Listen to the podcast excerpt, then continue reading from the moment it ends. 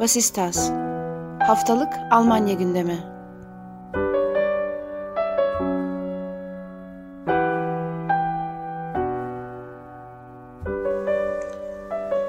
Herkese merhaba. Vasistas'ın 46. bölümüne hoş geldiniz. Ben Akın Art, Ali Sözen'le birlikte bu haftada sizler için Almanya'nın gündemini değerlendireceğiz. Normalde ben hoş geldin Ali diye başlıyorum ama bu sefer ben hoş geldim. Hoş geldin Akın. Uzun bir süreden sonra pandeminin ilk dönemlerinde herhalde en son biz yüz yüze eski formatıyla Vasistas'ı yapmıştık. O zamandan beridir ilk defa online değil canlı olarak programımızı kaydedeceğiz. Onu bir küçük not olarak düşmüş olalım. Ve ilk gündemimize istiyorsan geçelim. Seçim yasasıyla Tabii. başlayalım. Evet. Şimdi meclisin gündeminde bir süredir seçim yasası var. Bu seçim yasasına da meclisin en küçük iki partisi diyebiliriz herhalde arka arkaya. Yani evet, her ne evet. kadar CSU aynı zamanda CDU ile bir birlikte oluşursa ayrı bir parti sonuçta. CSU'nun Hristiyan Sosyal Birliği'nin ve Sol Parti'nin Dilinke'nin itirazları söz konusu bu seçim değişikliğinden en çok etkilenmesi beklenen partilerde zaten bu iki parti siyasi yelpazenin çok ters ve alakasız taraflarında olsalar da ortak bir dertleri var. Nedir bu dert? Nasıl bir e, öneri sunuyor yeni seçim yasası ve özellikle bu iki partiye nasıl etkileyecek diye başlayalım istersen. Ben ilk önce bir Almanya'daki seçim sistemini kısaca e, özetleyeyim. Belki e, dinleyicilerimiz arasında çok fazla yani biraz da karmaşık bir sistem olduğu için e, bilgiye sahip olmayanlar vardır. Şimdi Almanya'da seçimlerde, parlamento seçimlerinde e, iki oy kullanılıyor aynı e, pusulada. Birincisi direkt adaya verilen oy, ikincisi ise partiye verilen oy. Şimdi belli seçim bölgelerinden direkt adaylar çıkartıyor ve her seçim bölgesi bizim de işte bu dar bölge diyebileceğimiz şekilde her seçim bölgesi bir aday çıkartıyor. Daha sonra bir de partilerin toplam oyları oluyor. Bu toplam oya göre direkt adaylardan sonra partilerin bu toplam oya denk getirmeleri için ekstra yine listeden adaylar e, meclise giriyorlar. Bunun da sistemin ilk başta öngördüğü e, meclis büyüklüğü 598 milletvekilinin olacağı yönünde. Ancak son dönemlerde bu ekstra milletvekillerinin sayısı arttığı için yani direkt adaylarla listelerdeki partilerin oyları arasında bir dengesizlik olduğu için e, bu sayı 735'e çıkmış durumda hmm. ve yani çok büyük bir meclise denk geliyor bu ve aynı şekilde kamu giderlerinin de artması anlamına geliyor. Çünkü meclisteki milletvekillerinin oldukça e, yani yüksek, yüksek gelirleri var. var. Evet, evet ve aynı zamanda personel hmm. giderleri vesaire de aynı şekilde. Şimdi tabii burada bir ekstra bir e, madde daha var e, bu sistemde. Almanya'da bildiğimiz gibi %5'lik bir seçim barajı da var bu seçim barajının uygulanmadığı bir e, asgari vekil, direkt vekil şartı var. Bunda da geçtiğimiz seçimde Sol Parti bu şart üzerinden meclise girilmişti. Bunu da e, dinleyicilerimiz hatırlayacaktır. %4,9'luk bir oy almasına rağmen yani aslında seçim barajının altında kalmasına rağmen 3 bölgeden en az 3 bölgede direkt vekil çıkartabilirse bir parti seçim barajı o partiye uygulanmıyor. Dolayısıyla burada da 3 vekil çıkarttığı için sol parti e, bu baraj sol partiye uygulanmadı ve nihayete %4,9'una denk gelecek şekilde e, bir e, vekil çıkartmış oldu. Sanıyorum 30'un üzerine 39 vekil çıkartmış oldu toplamda. Şimdi burada tabii o ekstra vekilleri hesap ederken çok da karmaşık bir hesabı var bunun. Bir, eyaletler arası çünkü listeler eyalet listeleri şeklinde oluyor. Eyaletler arasındaki vekil dengesinin göz önüne alınması gerekiyor. Bir yandan da partilerin oy oranlarının o şekilde yansıması gerekiyor. Yani %4,9'luk parti %4,9'luk bir milletvekiline işte %25'lik parti de ona göre bir milletvekili sayısına erişmesi gerekiyor. Ama bir yandan da bunu yaparken de eyaletlerin arasında bir dengesizlik yaratılmaması gerekiyor. Dolayısıyla büyüdükçe büyüyor şimdi e, parlamento. Burada getirilmek istenen sistem artık şu.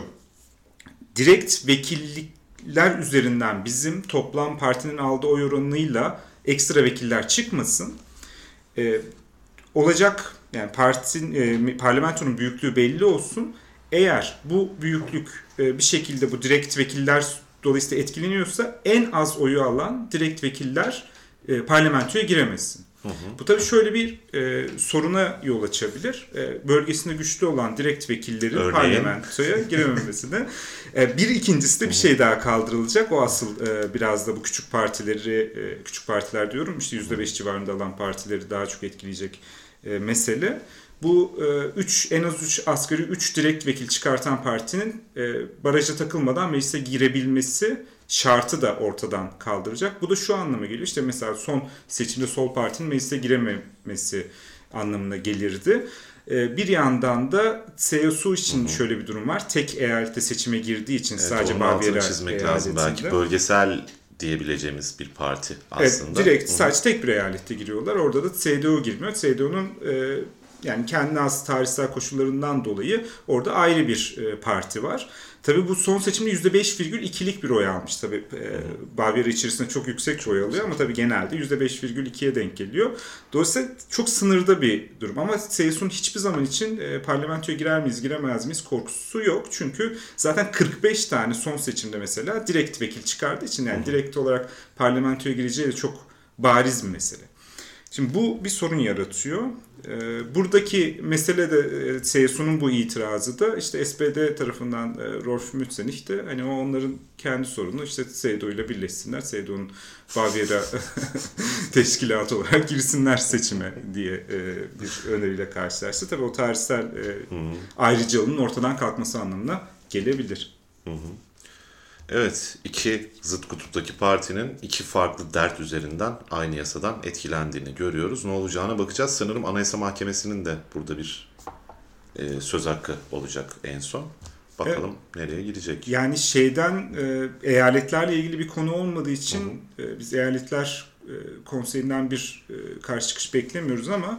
her iki partide yani CSU ve Sol Parti'de ikisi de e, konuyu Anayasa Mahkemesi'ne taşıyacaklarını söylediler ve gerçekten dönebilir. Çünkü şöyle bir durum ortaya çıkacak. E, bazı seçim bölgelerinin vekili olmayacak parlamentoda. Şimdi bu direkt vekillerin de öyle bir durumu oluyor işte. Sizin yerelde bir sorununuz olduğu zaman direkt vekile gidiyorsunuz. O bu sorunu e, parlamentoda gündeme getirebiliyor. Şimdi liste vekilleri olursa yani diyelim biraz daha küçük bölgelerde bir muhatap olamama durumu olacak. Dolayısıyla bu anayasaya aykırı bulunabilir. Birincisi bu.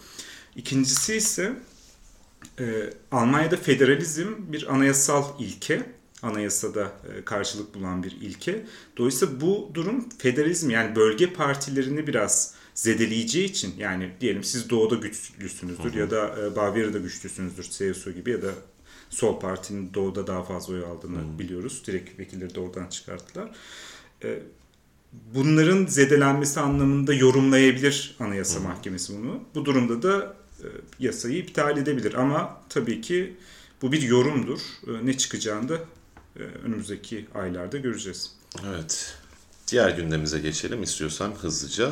E, para cezalarıyla ilgili Almanya'da aslında oldukça korkulan şeylerden biridir. Çünkü çok fazla şeyin tekil tekil bizim bilmediğimiz para cezası şeklinde yaptırımı olabiliyor Almanya'da. Tüm ülkedeki ceza mahkumiyetlerinin %86'sını ayrıca para cezaları oluşturuyormuş. Ve bununla ilgili yeni bir yasal düzenlemeye gidilecek. Daha doğrusu böyle bir öneri söz konusu. E, para cezalarının bundan sonra gelir üzerinden derecelendirilerek ödenmesi gibi ve bunun hapis cezası karşılığıyla ilgili de yeni düzenlemeler, uygulamalar var. İstiyorsan onun da detaylarıyla devam edelim. Ya orada şöyle bir durum eleştiriliyor. Ee, yani para cezasının nihayetinde hakimin para cezasına mahkum etmesinin bir sebebi var. Değilse her zaman elinde e, hapis cezası ihtimali vardır. İşte %86 dedim hani para cezası veriliyorsa demek ki hakimin ilk tercihi bu oluyor. Daha sonra e, daha çok tabii yoksul e, insanların bunu ödeyemediği durumlarda e, hapiste bu süreyi geçirmeleri gerekiyor. Şimdi tabii bu e, belli açılardan e, sorunlu bir durum. Yani biraz tabii konu ortaya çıkışta üzücü bir yerden e, hapiste bir kişinin, bir mahkumun hapiste geçirdiği bir günün kamuya 120 euroluk bir bedelinin olduğunu. evet evet evet. Bu aslında en başta bunu söylemek lazımdı. Meselenin açılması sebebi aslında bunun kamu maliyeti. Evet, yani. kamu maliyeti fazla. Yani biz buradan para cezası kesiyoruz ama ya da para cezasına mahkum ediyoruz. Ancak bunu bir de üzerine kamu zararıyla e, götürüyoruz gibisinden bir bakış açısı metroya kaçak binen evsizlerin durup dururken hapse girmesinde üzüldüğü için böyle bir tartışma açmış değil yani. Onun evet iyi oldu altını çizdi.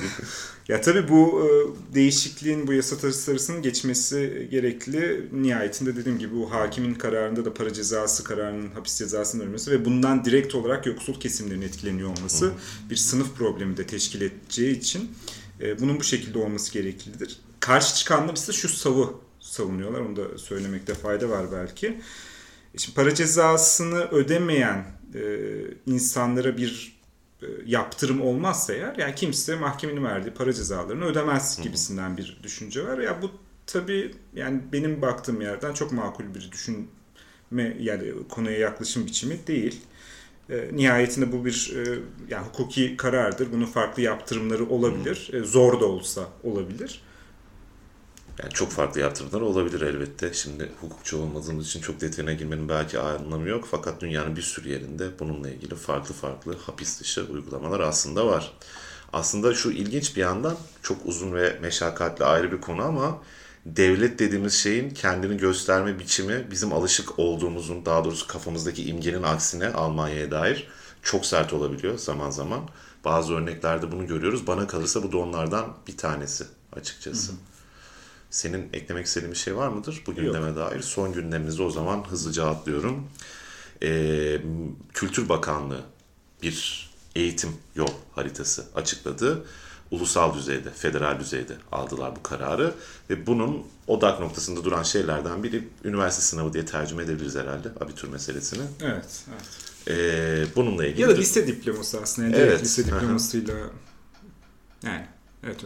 Neyse bunları eski programlarda konuştuk diye evet. geçelim. Detayına girip zamandan yemiş olmayalım. Şimdi birincisi bu kararlar bütününün birkaç maddesini ben özetleyeyim sonra genel bir değerlendirelim. Birincisi farklı eyaletlerdeki abitürler arasındaki eşitsizliğin yani bunların düzeyi, alınma zorluğu vesaire giderilmesine dönük. Yani şu X kişisi X eyaletinde daha yüksek bir ortalamayla mezun olabilir. Fakat belki o eyalette o notu almak daha kolaydır. Belki eğitim bunun üzerinden şekillenmiyordur. Hani çok böyle ince ince derecelendirmek üzerinden. Fakat bir başka eyalette farklı kaygılar olabiliyor vesaire. Yani aslında herhangi bir bölgede de olabilecek bir şey. Ee, bununla ilgili düzenlemelerin yapılması. Bir diğeri okullardaki öğretmen açığının nasıl kapatılabileceğine dair bir şeyler konuşulmuş.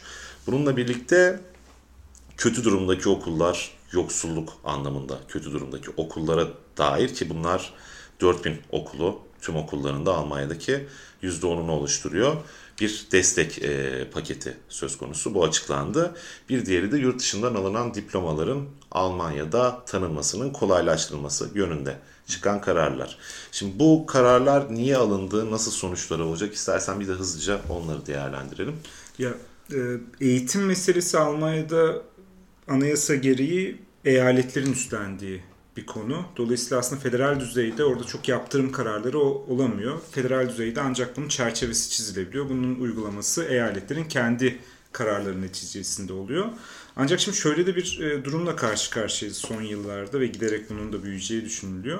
Eğitimde hani Almanya gibi bir e, sanayi toplumuna yakışmayacak ölçüde eksiklikler olduğu yani kamunun bu işi aslında özellikle eyaletler düzeyinde yürütmekte zorlandığını görüyoruz. Ve aynı zamanda e, belediyeler tabii bu işleticisi pozisyonunda, yürütücüsü pozisyonunda bu işin bütçelerinin bu konuda yeterli olmadığını vesaire görüyoruz. Ve bir yandan işte öğretmen açıkları zaten Almanya'da olan e, genel olarak e, nitelikli iş gücü açığıyla beraber bu da öğretmen açığı da bunun bir parçası. Burada bir adım atılması gerekiyordu özellikle uzun vadede. Bu bir anda yani bu bu, bu konuda e, alınan kararlar işte okulların desteklenmesi bir yerde.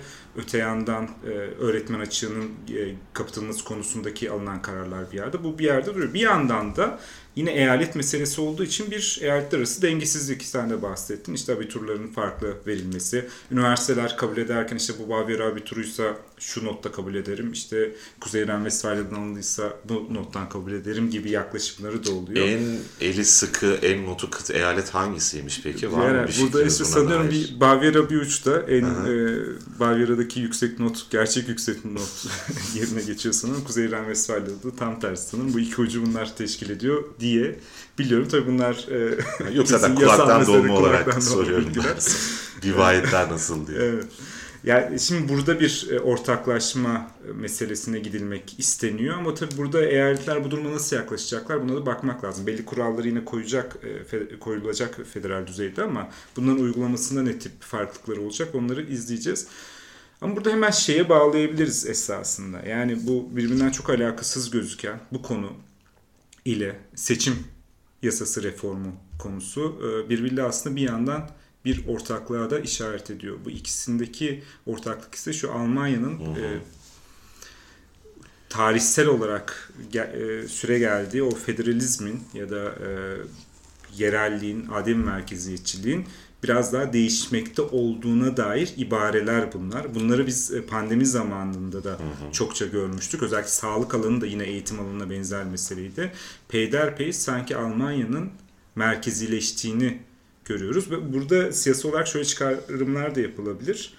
Bu merkezileşme Avrupa Birliği ölçü, ölçeğinde de gidiyor. Nihayetinde Avrupa Birliği'ndeki yerellik mekanizması da Almanya'daki yerellik mekanizmasına benzer bir mesele üzerinden de kurulmuştu ta zamanında hı hı. ve onun üzerine ilerliyordu. Bunlar da geleceğe dair e, gören gözler için bir ibareler içeriyor diyebiliriz. Almanya otoriterleşiyor mu diye bizdeki programlarda belki detaylarına girebiliriz. Benim açmak istediğim başka bir gündem yok. Senin tarafında var mıdır? Onu sorayım. Benden de bu kadar bu haftalık. O zaman bil bakalım senden ne isteyeceğim. Vasistas.outlook.de adresine görüşlerinizi, önerilerinizi bekliyoruz. Bunları dikkate alıyoruz. Önümüzdeki hafta görüşmek üzere. Hoşçakalın. Görüşmek üzere.